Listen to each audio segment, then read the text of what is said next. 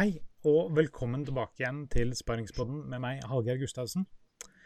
I dag så har jeg nok en gang fått et veldig spennende besøk i eh, studioet mitt. Og eh, som jeg skrev eh, på forhånd her, eh, det er en fem ganger verdensmester, europamester og norskmester eh, i eh, freestyle fotball.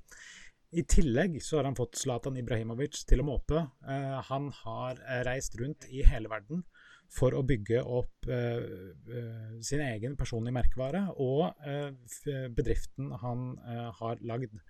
Så uten så veldig mye mer enn det, ta godt imot Tobias Brandal Buseth. Velkommen skal du være.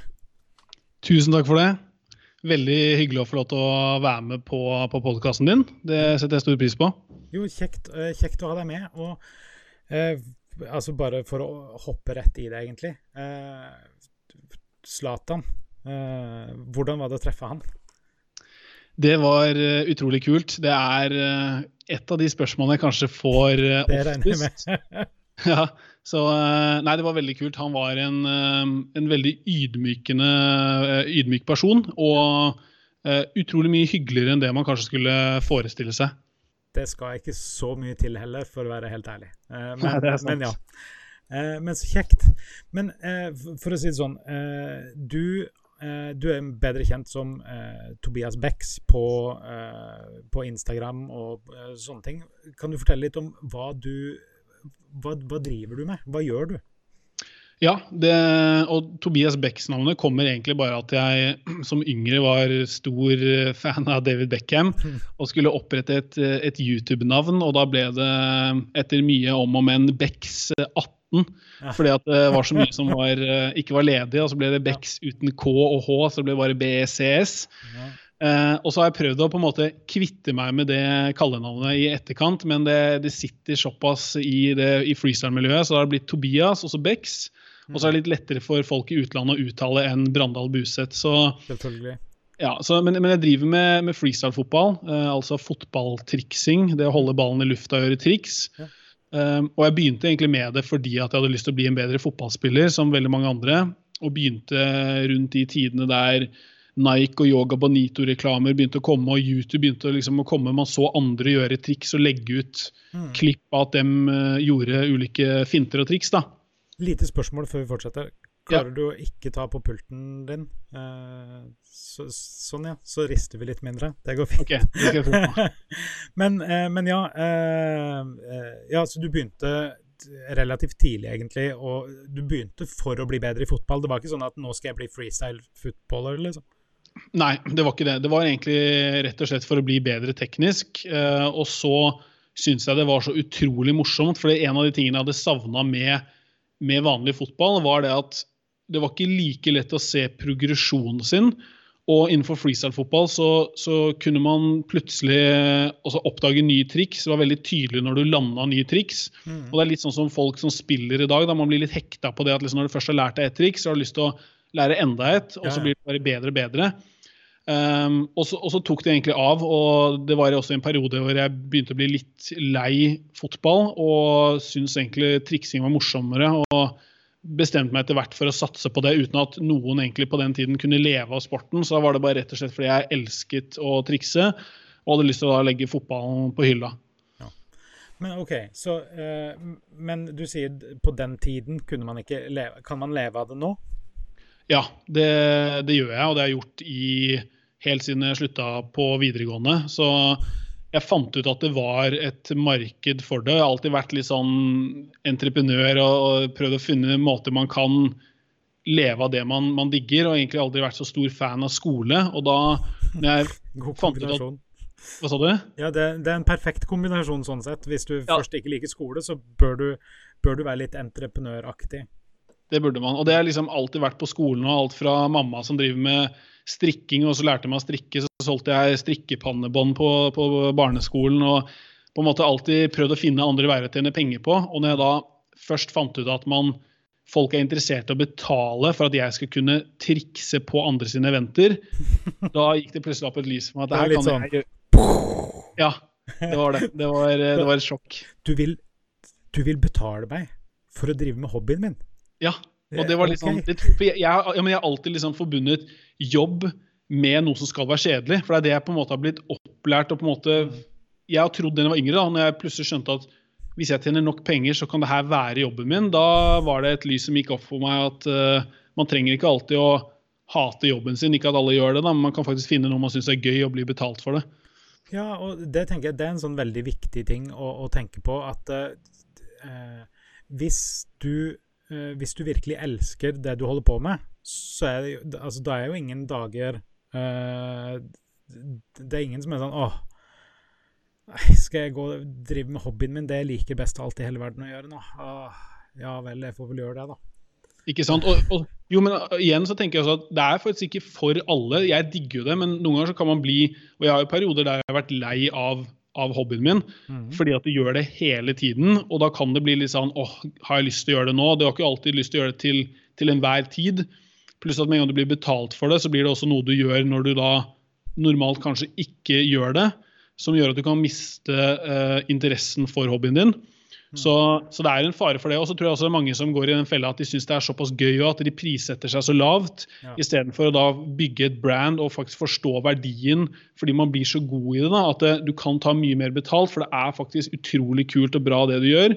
Men så er det mange som prissetter seg lav, for de tenker det her er bare gøy. Ingen har lyst til å betale for det, ikke sant? og da, da er det vanskelig å leve av det.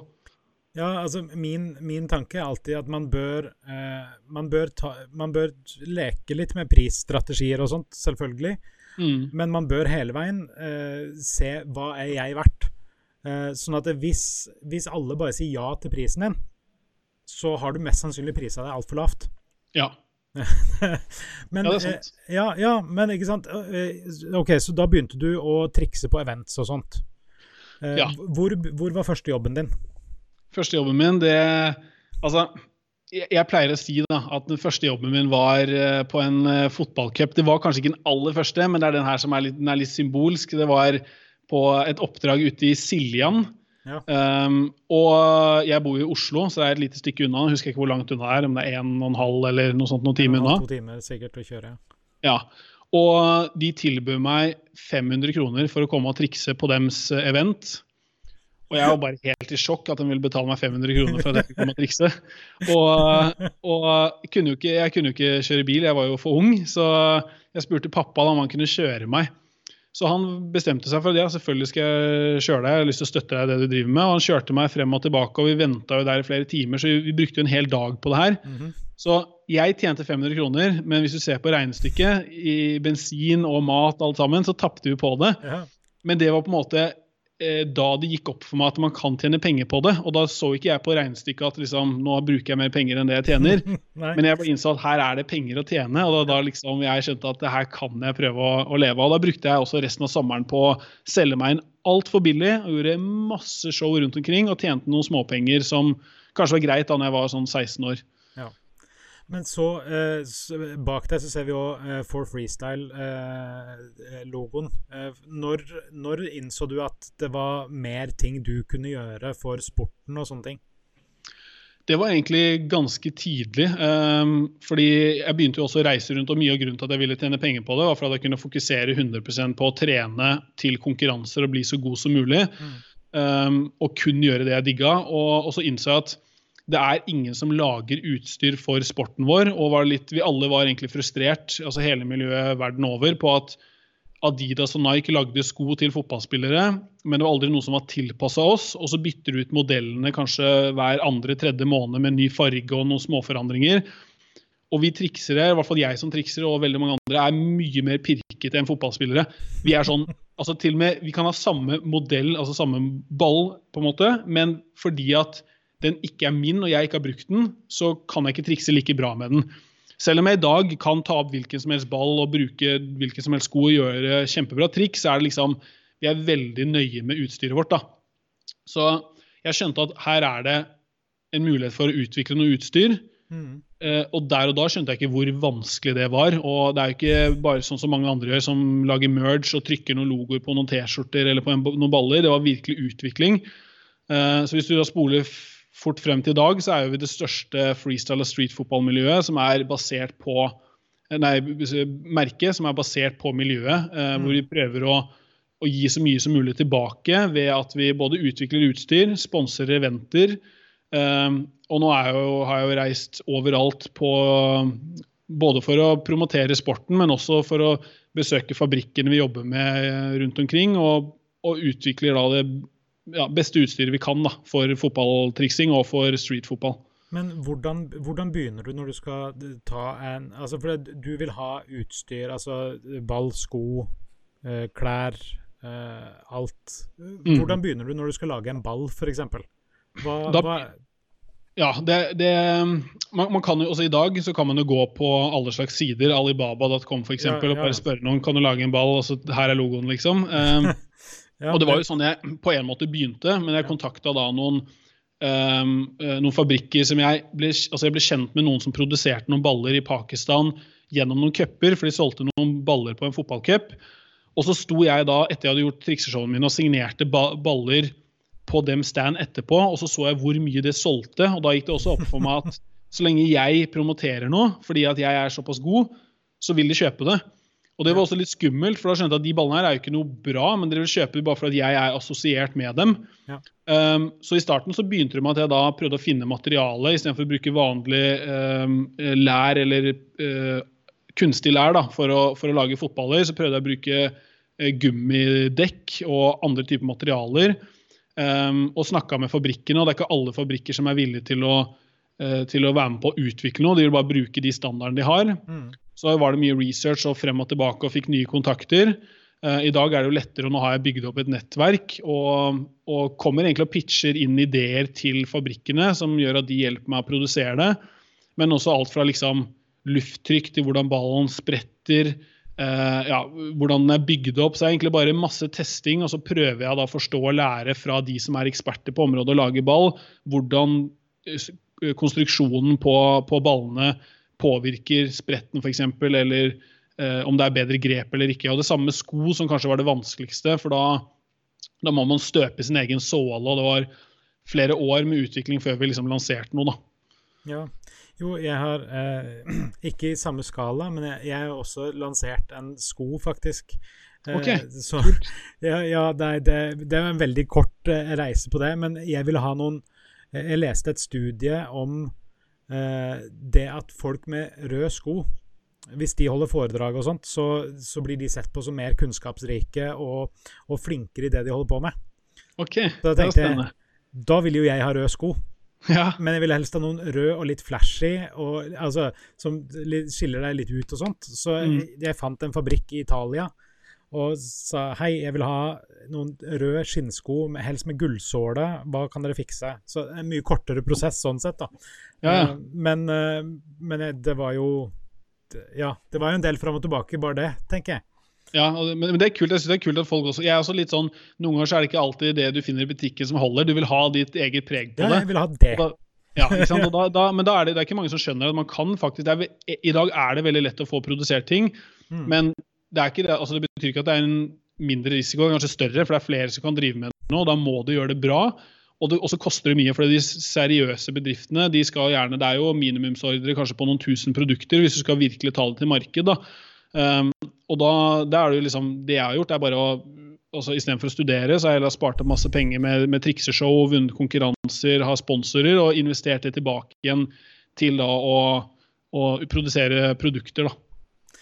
Ja, ja for, men du, du, har jo altså, du har flere kolleksjoner. og altså, hva, hva, er på en måte de kuleste tingene eller, Jeg regner med at sko er ganske høyt opp på lista der, men Eh, I hvert fall som det mest kompliserte. Men hva, hva liker du best å holde på med det? Jeg syns jo det, det, er litt forskjellig. Jeg synes Det kan være veldig frustrerende til tider òg. For jeg er jo ikke noe utdanna noen designer, men jeg har alltid bare digga og lært meg masse på YouTube og, og på en måte skjønt hvordan ting funker. Men jeg syns utvikling av tekniske produkter som sko og ball, som ikke bare går på utseende, syns jeg er veldig spennende. Um, og så er det en lengre prosess. Det kan være veldig frustrerende, for du kan gå flere måneder uten at liksom, du sitter og designer på noe en dag, og så bare kaster du det neste dag, for det funker ikke. Mm. Uh, mens uh, for eksempel, jeg er også veldig glad i foto og video. Det er veldig deilig å bare kunne ja. gå ut sånn som vi gjorde nå tidligere i dag. Filma noen klipp, og så har du det, så kan du sitte og redigere, og så er du fornøyd. på en måte. Mens utvikle produkter er en lengre prosess. Uh, så jeg syns jo det er morsomst sånn sett med sko og, og, ball, for det er tekniske produkter. Men nå kommer vi også snart med noen nye kleskolleksjoner som jeg er spent på, og, og syns jo det også er kjempemorsomt. Da vil jeg bare Litt sånn sjølskryt, holdt jeg på å si. Se på den. Ja. Det, det, er min, da. Uh, der, oi, de var dritkule! Takk. De var faktisk dritkule. De kan jo prøve å selge. Ja, de ligger faktisk ute på, uh, på salg nå. Uh, det? Ja, men de er, altså, det er ekte skinn og sånt. De er litt over 2000 kroner. Så det er, det, det er ikke akkurat billige greier. Men jeg tenkte det, Ja, jeg har de i hvert fall, og bruker de når jeg holder foredrag og sånt. da.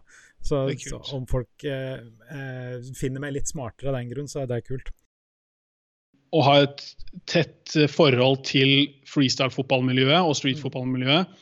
Eh, jeg har jo masse gode kompiser der og mange andre som er verdensmestere innenfor sporten. Så vi har egentlig basert oss på et tillitsprogram der vi har nå ulike ambassadører. Tidligere har vi ikke kalt dem ambassadører, mm. som får utstyr av oss. Eh, og det, i teorien så sier vi egentlig bare at dere får masse utstyr. Vi vil at dere skal teste det og gi oss tilbakemelding, sånn at vi kan forbedre oss. Selvfølgelig, hvis dere syns det er bra, og den foretrekker det over andre typer utstyr, så er det jo veldig fint at de bruker det og potensielt også tagger oss. Ja. Men vi ønsker ikke å ha den approachen der vi går ut til Vi har egentlig hatt en veldig sånn ja, influencer-strategi, kan du si. da. Vi er ikke veldig bruker ikke noe, særlig mye penger på Facebook-ads og den type ting. Eh, men mer heller da prøver å bruke det nettverket vi har, og at det skal være litt mer naturlig fremfor at man da putter produkter i fanget på noen og betaler de masse, og så er det fake, og så liker de ikke. og Da, da vil det ikke vare i lengden heller. Nei, nei det, det, tror jeg er helt rett i. Jeg mm. husker for noen år siden når uh, Hvem var det? Jon Arne Riise og en hel gjeng uh, ble sponsa av Farris. Mm. Eh, og, det vet ikke om jeg husker. Ja, de, de la ut eller Det var fire-fem kjendiser på en måte som la ut nesten klin like blogginnlegg. Eh, så det var bare veldig sånn ja, Nå er det noen som har fått beskjed om at influencer-marketing er det som er inn, på en måte. Og så mm. bare ikke helt fått til hvordan det skal gjøres. Det, det, det, er veldig synd, men det er sånn, jeg gjør jo også masse samarbeid med ulike brands personlig på mine sosiale medier. Ja.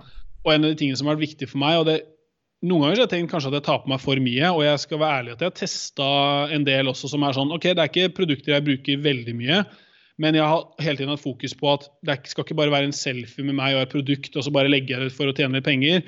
Mm. Det skal heller være jeg vil at de skal føle at de får et mediateam i tillegg. Da, så vi lager kult, kreativt arbeid, mm. sånn at produktet kommer kult frem, men på en naturlig måte til mitt publikum. Så istedenfor å betale mange, altså dobbelt, tre ganger så mye da, for et produksjonsteam, og så leie inn meg som et talent for å publisere noe i sine egne kanaler, så får du både produksjonsteamet, meg som talent og da mine kanaler som har masse masse følgere. Ja. Uh, sånn at de ser en verdi av det, og sånn at også publikum mitt nesten gleder seg til det kommer annonser, for da kan vi være kreative og, og gjøre noe kult rundt det brandet. da. Og ikke, ikke bare eh, altså, men ikke bare det, men for det første altså, Da kan du ta bedre betalt. Ja. Mm. Og mest sannsynlig så blir det eh, eh, bedre for kunden fordi at du kan bruke din stemme på en måte. Ikke sant. Og, og i tillegg så, eh, så blir det eh, mer eh, hva jeg prøver å si organ Det blir mer naturlig. Altså, mm. Det er en av tingene som jeg har snakka mye med annonsører om. At de ofte så blir de veldig eh, forsiktige eller litt sånn ah, 'Jeg vet ikke helt Kan vi ikke få de til å si akkurat dette?' Og så må jeg gå inn og si at vi kan det, men du vil egentlig så vil du at de skal si det så mye som mulig på sin egen måte. Mm. Og at det skal være litt sånn fra hjertet, på en måte. Det er det, og det, det, er så viktig og veldig undervurdert. Så tror jeg at gjør merkevarene en god nok jobb med å bygge opp sitt eget navn og merkevare, mm. så, så, vil det komme frem på en eller annen måte uansett. Og da er det veldig viktig at de influenserne får lov til å kommunisere det på sin måte, som når ut til sitt publikum. Og så kan de heller da liksom, direkte eller få dem over til, til brandet sin side. Og så skal jo brandingen der være tydelig nok, da. Ja. Eh, hvordan ble, altså Annet enn at du ikke får reise noe sted. Eh, hvordan mm. eh, De podkastene her er på en måte eh, Som jeg gjør nå i koronatider, mm. så, så, er det vanskelig å komme utenom det er veldig rart hvis man ikke hadde nevnt det med et ord. på en måte. Hvordan blir dere påvirka av korona, annet enn det med lite reising? Uh, ganske kraftig. I starten så merka vi Vi har jo en del produksjoner i Kina, så vi merka det før egentlig ting stoppa opp, at mange produksjoner hadde stoppa opp for oss. Vi fikk ikke inn varene våre, så vi solgte veldig veldig dårlig en periode. Mm. men da var heldigvis Da kom, hadde vi noe annonsepenger kommet inn. Og så stopper jo alt opp i Norge, og jeg har jo også jobba med Uefa nå som konsulent og vært ambassadør for EM 2020, som er et veldig stort prosjekt. Eh, og egentlig over natta så mista jeg absolutt alle oppdrag. Så det, plutselig så var det liksom Det skulle vært en full sommer med reising til eh, alle byer i Europa og egentlig flere andre steder, til at vi plutselig nå blir sittende på kontoret og prøve å tenke kreativt. men men jeg syns liksom, det helt ærlig har vært veldig spennende. Man kan godt tenke på alle de kronene man, man, taper. Og så bor vi jo i Norge, så, man, så lenge man også har en bedrift som er sunn, da, så burde man jo klare seg om man ikke har gjort for store investeringer rett før. For det er jo noen bedrifter som også taper på det her, som kanskje kunne klart seg. Så har vi prøvd å bare tenke kreativt og prøvd å utnytte det at freestyle-fotball er så tilgjengelig nå når det er koronatider. Uh, og heller satsa mer på å lage YouTube-innhold og andre ting ja, som vi kan. Det skulle jeg spørre deg om. Eh, hva trenger man på en måte for å starte med, uh, starte med freestyle-fotball? da? Ja, det, altså, Du trenger bare en ball, egentlig. Altså, det kan høres komplisert ut når jeg sitter og prater om hvordan vi utvikler utstyr for sporten, men du kan bare plukke opp hvilken som helst ball. Forhåpentligvis er den rund og ikke vindskeiv. Og så trenger ikke sko engang. Og så er det bare å lære seg å trikse. Og Vi starta jo opp også, vi har jobba med det i flere år nå, et um, prosjekt som heter Offpitch. Og oppretta nå nylig et online akademi med litt over 100 videoer. Det er et helt gratis akademi som heter Offpitch uh, Academy. Um, som da tar deg litt igjennom hvordan du kan lære deg å trikse. fordi Problemet til sporten vår er at det er en liten barriere. Det er ikke bare å sparke ballen langs bakken, du må faktisk prøve å holde den i lufta.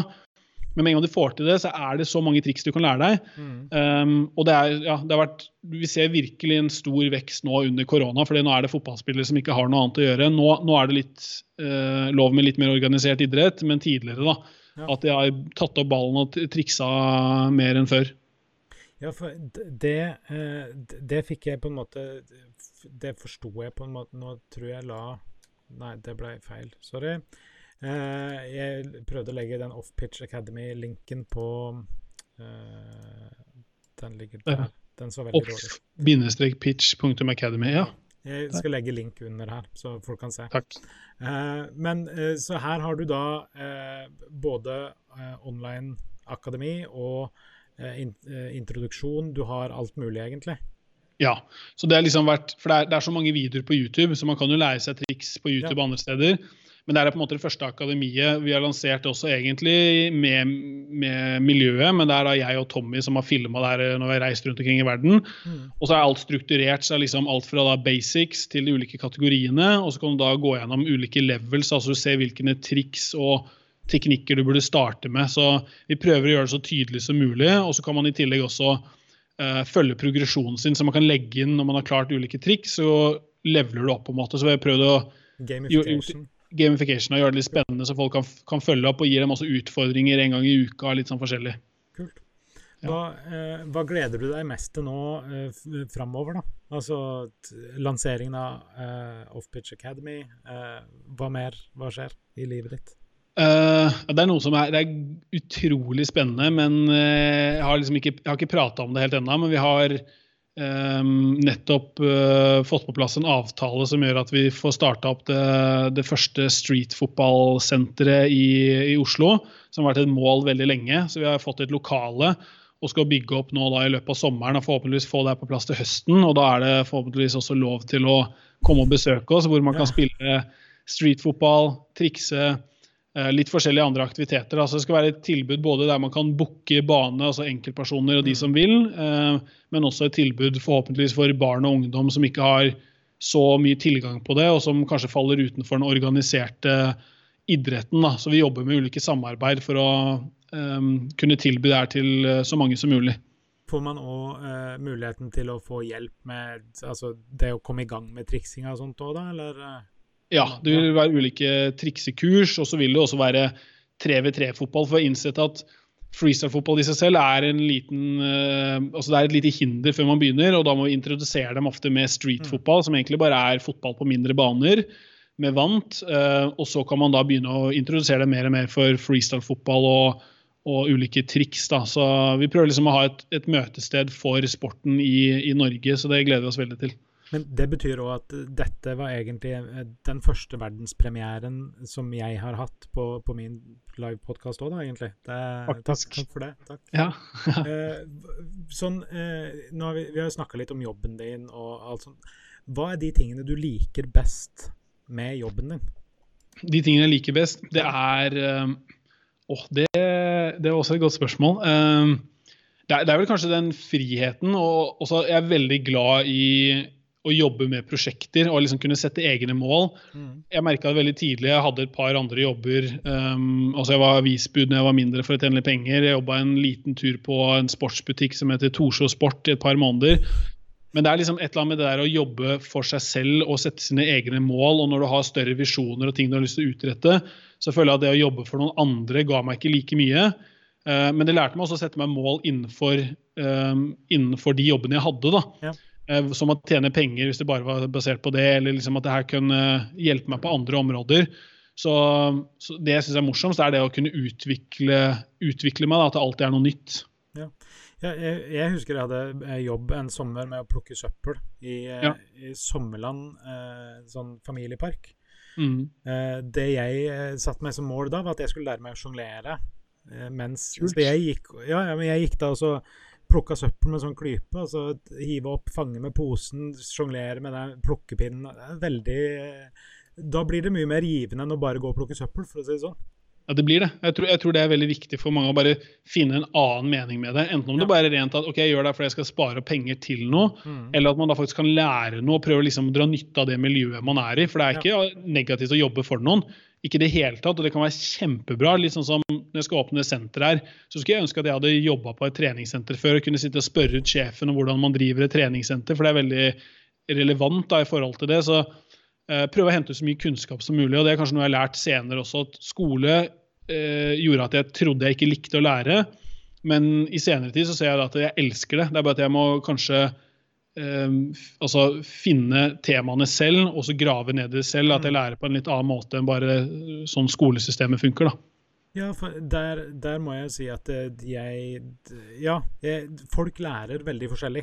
Mm. Og eh, sånn som jeg, f.eks. Jeg lærer helt klart best når jeg hører ting. Altså, jeg hører podkaster nesten hele tida. Ja. Mm. Og uh, jeg lærer veldig dårlig i et sånt sitte og høre på noen uh, Fordi at som oftest er det sånn de begynner på et eller annet, og så prøver jeg å tenke meg ut hva som er poenget, og som oftest er det ca. det de mener. Men da blir jeg utålmodig, og så har jeg lyst til å gjøre noe annet heller. Mm. Uh, så jeg tenker at hvis jeg hadde fått i, på ungdomsskolen, kanskje videregående, fått mulighet til å OK, dette er det du skal oppnå, gå og finn det ut. Så det, tror jeg det hadde vært mye greiere for min del, i hvert fall. Ja, samme her òg. Bare det å også bare, Du må ha en motivasjon, eller du må forstå hvorfor. for Hvis du da skal mm. sitte og lære om samfunnsfag, og så har du ikke helt forstått så bare sånn, ja, men Du må lære om historien eller du må lære om samfunnet. Hvorfor? Ja, men hvorfor? Ja, du, du, må vite hvorfor. Og så er det noen som bare de lærer fordi at de skal lære, og så blir det nesten som et spill. Da, at ja, nå blir jeg bedre, nå klarer jeg Men det, det klarte ikke jeg å bruke som motivasjon. Jeg måtte ha hvorfor, altså Nå i dag skulle jeg virkelig ønske at jeg eh, hadde lært meg spansk, f.eks., eller flere språk. Men der på skolen så skjønte jeg ikke jeg skulle, hva jeg skulle med det. Men i dag så ser jeg det. Men hadde jeg visst det da, og på en måte hatt et mål og motivasjon til det, så hadde jeg kanskje gått inn for det på en helt annen måte. da. Mm. Hva liker du minst med jobben din, da? Hva liker minst med jobben min? Uh, jeg tror det er uh, regnskapsdelen. Okay. det er det som bare, jeg, jeg, føler liksom at det er en av tingene som må gjøres. Uh, og, og, så er det liksom ikke noe som tar deg videre. da, så det liksom, det er, det er kjedelig, men det må bare gjøres. Ja. Uh, hvordan får du de beste ideene dine? Har du en prosess? Uh, jeg merker at det, det, er mye lettere å, å, få ideer når man altså Hvis jeg er i stressa situasjoner, så er det nesten umulig. Så når man er på sommeren og mye ute og reiser frem og tilbake, mm. så er det kanskje når jeg setter meg på flyet, for da er det på en måte litt kobla, du hører på musikk, og da plutselig kommer ideer. Um, eller så er det på, ofte i helgene. og det er som, som på en måte entreprenør da, når du driver for deg selv, så er det mange som sier at de elsker mandager. og Det gjør jeg også. for en av de, altså jeg elsker når det popper inn e-poster eller ting skjer, for det er, liksom, det er noe i gang. Ja. Men jeg trenger også den helgen og lørdagen og søndagen hvor du vet at det ikke popper inn e-post, sånn at du kan hente deg inn. Og så kan du starte nye prosjekter, kanskje sende ut noen mails for du har noen uh, ideer til uh, samarbeid eller et eller annet. Mm. Og så kommer det inn på mandag, men du trenger de pausene også, hvor du ikke bare blir bombardert med, med, forslag, men at du kan få lov til å bruke din egen tankekraft. Altså, de kommer ofte på, på søndager når jeg bare er ute og jogger eller på en måte får tid for meg selv hvor det ikke er noe som er uh, forstyrrende. Eh, tips der. Eh, slå av notifications på mobiltelefonen. Jeg har Mhm. slått av alt utenom SMS og telefonen nå. Ok, Uh, og så har jeg lagt inn i kalenderen min tidspunkter hvor jeg har bestemt meg sjøl for at de tidspunktene uh, sjekker jeg mail daglig. Så uh, okay. morgen, lunsj og altså på slutten av dagen. Mhm. Og som oftest, hvis det haster så mye at folk må ha tak i meg før det, så ringer de. Ikke sant. Jeg tror, jeg tror Det er veldig gode tips. og jeg tror for min del, så Jeg har skrudd av det meste av notifications. så det er, det er noen på en måte plattformer, men liksom sånn som på Instagram hvor jeg har ganske mye følgere, så kan du ikke ha masse notifications. Det forstyrrer jo. Men jeg tar jo meg selv i sånn som det, jeg tror favorittappen min eh, på mobilen er mailappen. For Hvis det ikke skjer noe, så vil jeg bare inn. Er, har jeg fått svar på noe? Er det noe nytt spennende? ja, ja, ja. Og så blir jeg litt lei meg hvis jeg ser det er regnskapsføreren min, men, uh, men det er liksom, jeg burde også bli flinke til spesielt det med mailen og begrense det. For at jeg driver og leter etter liksom at å, kan det ikke komme inn et eller annet kult nå da? Mm. Eh, Hva vil du si er det viktigste du har lært siden du starta opp eh, eh, ja, som 16-åring? Det viktigste både freestyle-fotball har lært meg, og egentlig entreprenørskap og det å drive for seg selv, er det at man må Jeg tror liksom, når, var, når jeg var yngre, så du går inn i disse systemene som er lagd for deg. Skole, du spiller fotball, så du får beskjed om du skal møte opp da og da. Og når jeg ser venner og familie som, som har sånne liv, da, som, hvor de har egentlig et, et, en timeplan satt opp for dem, Mm. så blir man kanskje litt mindre kreativ. Man, får ikke, eh, man blir ikke pusha til å gjøre det du faktisk ønsker. Og så tør man ikke heller, for at da, da går man utenfor en ramme som er litt sånn ukomfortabel. Og det er liksom da innse at alt er egentlig opp til meg. At jeg kan sette opp hverdagen min selv, har gjort at jeg faktisk da står opp kjempetidlig om morgenen, starter dagen med trening, gjør altså Jeg har satt opp et system som funker, og som jeg syns er gøy. Um, så, så det å liksom kunne tenke selv, da, ikke bare følge samfunnet og et system som jeg føler veldig mange andre gjør i dag, som også kanskje passer for veldig mange andre, syns jeg er deilig å ha den friheten til å kunne sette opp uh, hverdagen selv. og da, da, Det har gjort at jeg tør å satse mer på prosjekter som andre ser på som risikofylte. da. Hva, hvis du kunne eh, eh, reist tilbake igjen i tid eh, til, eh, til 16-årsdagen din, hva ville du sagt til Tobias 16 år? Åh, eh, den er vanskelig. Det er ikke sikkert jeg hadde forstått eh, det, er, det, er- det er vanskelig å liksom, sitte og fortelle en 16-åring som han er i en helt annen setting. Men det er nok kanskje Jeg er jo motambassadør òg, så det er, det er det budskapet jeg prøver å få fram der som motambassadør. Det er å tørre å være seg selv og, og gå sin egen vei, selv om det er veldig annerledes fra det alle andre gjør. Eh, men også kanskje det å, å støtte opp folk rundt deg som du ser gjør noe annet. Um, at man tør å liksom uh, backe opp kompiser eller andre du ser tør å gjøre noe annerledes. da, fordi de trenger kanskje den støtten. Og jeg som har hatt en familie som har vært veldig støttende, det er luksus. Det er ikke alle som har det. Så kanskje det å se, se andre, men også det å bare tørre å gå sin egen vei. Ja, kjekt. Eh, hei til I Ivers74. Hei, 74. Det, det, ja, men det, det er ganske dypt, egentlig. Eh, Jeg, jeg vet ikke om 16 år gamle Hallgeir hadde forstått det. Kanskje heller ikke 16 år gamle Tobi, Nei. Tobias. Det er sant. Men eh, eh, hva eh, Hvilke ting får deg virkelig irritert på verden, da? Uh, det er få ting som Jeg prøver egentlig å bare ikke bli irritert over ting jeg, jeg ikke får gjort noe med. Så, og jeg har mange kompiser som jeg blir nesten Kanskje jeg blir mer frustrert av de som faktisk henger seg opp i sånne ting og kommer med unnskyldninger og ikke ser at de ikke tar tak i livet sitt og legger en plan, men heller velger å klage på andre som de kaller heldige. Mm. Um, fordi da føler jeg altså Jeg føler meg som, som, heldig, da, fordi at jeg har innsett det. Så jeg blir heller mer, kanskje irritert på de som ikke innser det at det å klage på noe, det hjelper ikke, og du må heller ta tak i det selv. Gjør noe med det. Jeg, jeg husker ja.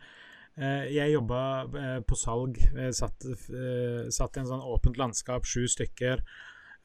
Og så Å, Hallgeir. Du har alltid sånn flaks, du. du. Du ringer til de som skal kjøpe noe allerede. Ikke sant.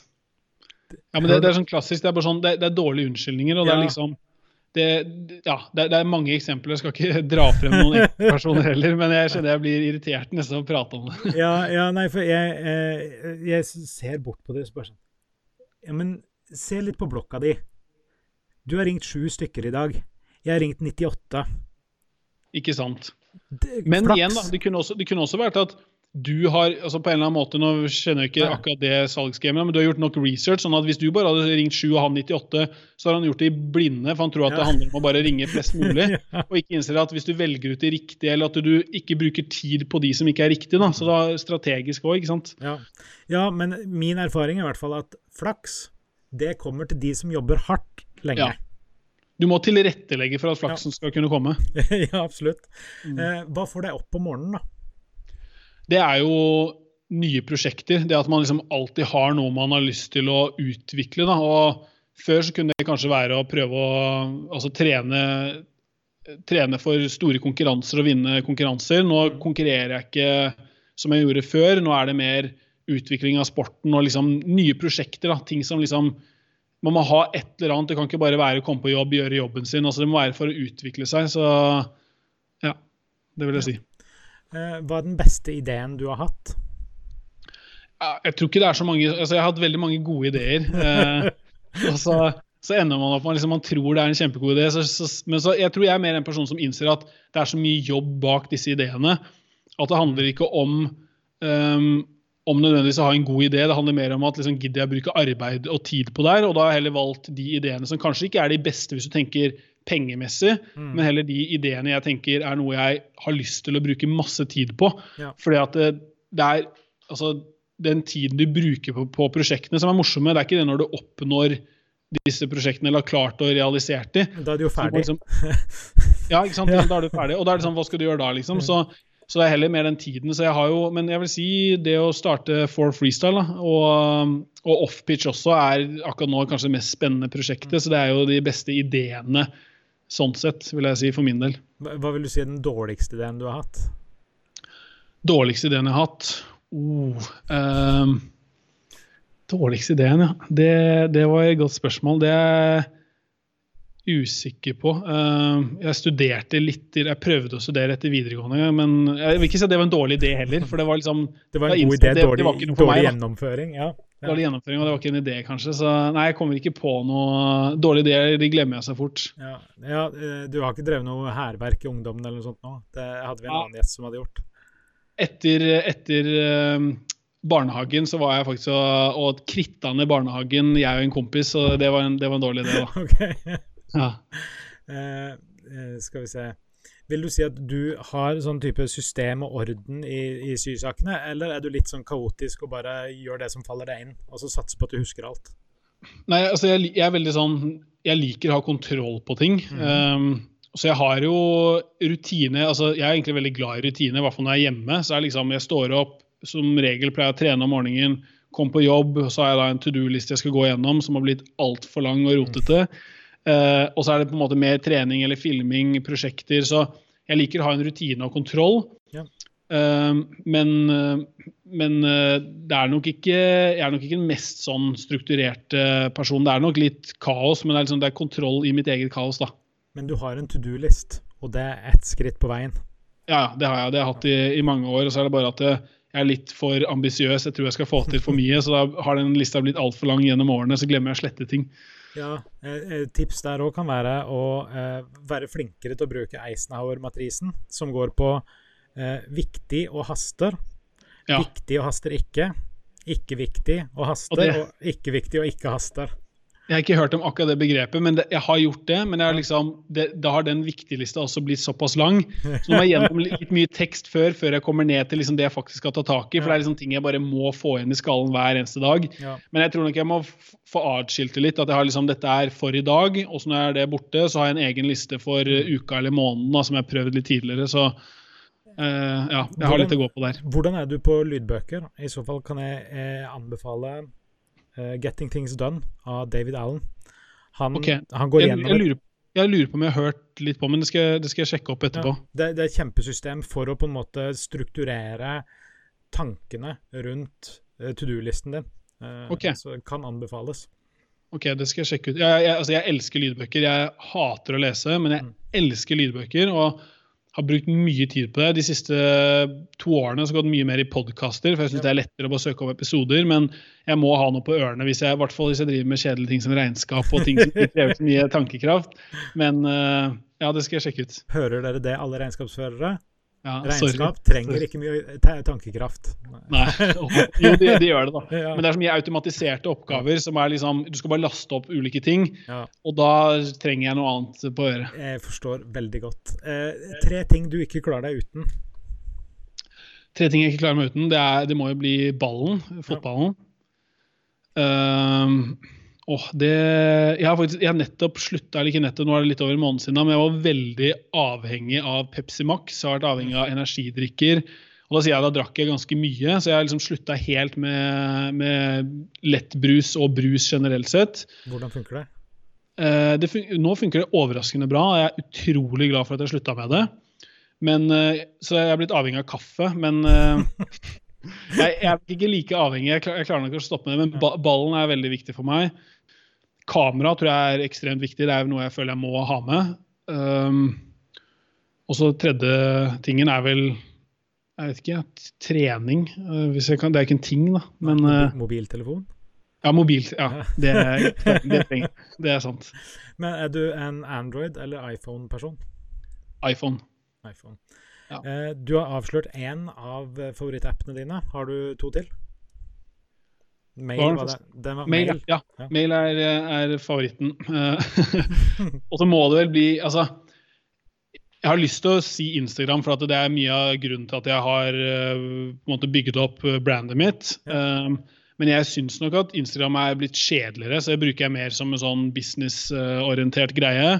Mm. Um, og så bruker jeg ikke YouTube så mye som en app, så jeg er veldig fan av TikTok. Ikke det at jeg følger så mye med på det selv, men det er bare for at det er spennende å kunne bygge opp et publikum der. Jeg syns personlig at mange av de dansene er litt sånn spesielle. Men uh, Så jeg, jeg syns det er en spennende app, mye for at man kan nå til et nytt, nytt publikum. Ja. Uh, og så er det veldig mye bra underholdning der også. Ja. Um, og så Er du på TikTok, eller? Oh yes. Eh, jeg, det, det, du foregriper begivenhetene, men eh, et av spørsmålene er YouTube eller TikTok. Og du er den andre som på en måte har sagt at de liker TikTok, eh, av alle gjestene jeg har hatt. Eh, men jeg elsker TikTok. TikTok er Det er en helt annen måte å få være kreativ på, syns jeg. Ja. ja, det er jeg enig i. Og jeg tror, altså for, for min del da, så er jeg, jeg har vært veldig kreativ på Instagram. Så jeg ser at veldig mye av det jeg har gjort på Instagram, har egentlig TikTok, som har egentlig nesten ikke irritert meg, men det har vært sånn at mange av de transitionene jeg gjør, måten jeg bruker kamera og prøver å være kreativ på, Ja. gjør TikTok plutselig mye lettere for andre. da. Eh, så, så sånn sett passer jeg bra inn, men jeg trenger ikke å bruke alle de funksjonene, for jeg gjør det selv. Ja. Men, men jeg, jeg er veldig fan generelt sett av bare eh, Jeg er ikke noe sånn forelsket i noen spesielle plattformer. eh, og jeg tror at liksom, folk må ikke henge seg opp i at TikTok da skal du bare stå og danse foran kamera. Nei, Det handler mer om hvordan du kan bruke det for å nå ut med ditt budskap til et publikum. Og akkurat nå så er TikTok den appen, i hvert fall for min del, som gjør at jeg når ut til flest av de jeg ønsker å nå ut til. Og til et nytt publikum. da, så Derfor synes jeg det er spennende. Så jeg er ikke så opptatt alltid av liksom, hva som er liksom, normalt å gjøre der. Jeg gjør fortsatt det jeg kan, og så tilpasser man det litt, selvfølgelig, sånn at uh, det er lagd for den plattformen. da.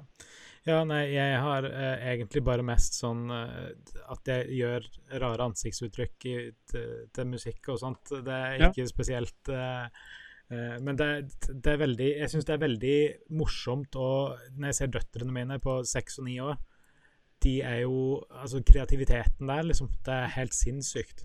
Jeg tror det er veldig bra for barn sånn sett. Og så er det sikkert jeg ser også veldig mye halvnakne damer og liksom, som kanskje ikke alle burde se, eh, eller som spiller veldig på sex, da, eh, Ja. på en måte. Eh, Så det er nok noe de er nødt til å gjøre der. Men, men jeg, jeg tror nok man må ikke sitte og tenke på sånne ting som noe negativt. Jeg tror veldig mange som er store på andre plattformer, har lett for å tenke at nei, det vil jeg holde meg unna for at jeg er for god for det, eller jeg driver med noe annet. Istedenfor å bruke plattformen og heller tenke at jeg kan dra nytte av den her også. Mm. Eh, For det er sånn nye stjerner kommer opp. og det liksom, Man må bare innse at det er ikke plattformen du skal henge det opp i, det er heller de du kan nå ut til. da. Ja. Og da er TikTok en genial plattform foreløpig.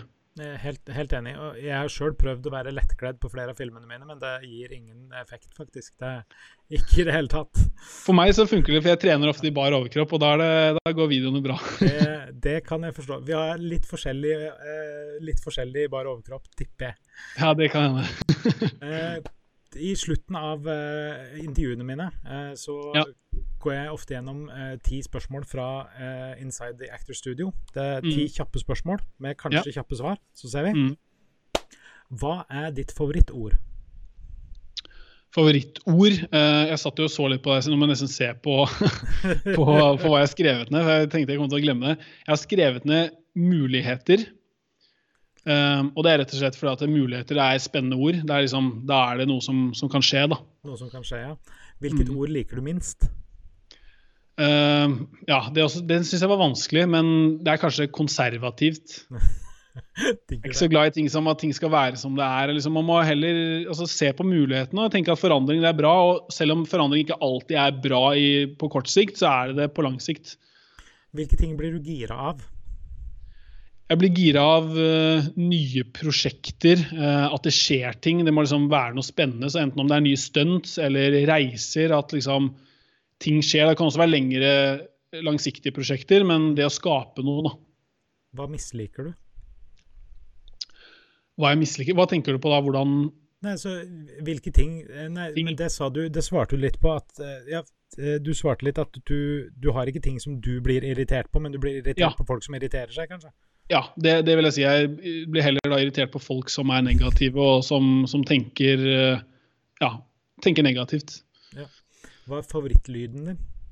Favorittlyden min. Eh, siden jeg nevnte eh, mail som favorittapp, så er det kanskje når den der mailen kommer inn i mailinnboksen, da blir jeg glad. Ja, Eh, hvil- den er hvilken, fin. hvilken lyd hater du? Den også syns jeg var vanskelig. Eh, altså, du har jo alle de der eh, altså, kritt på tavla og den type ting. Det er ubehagelige lyder. Og brannalarmen er, er en drittlyd.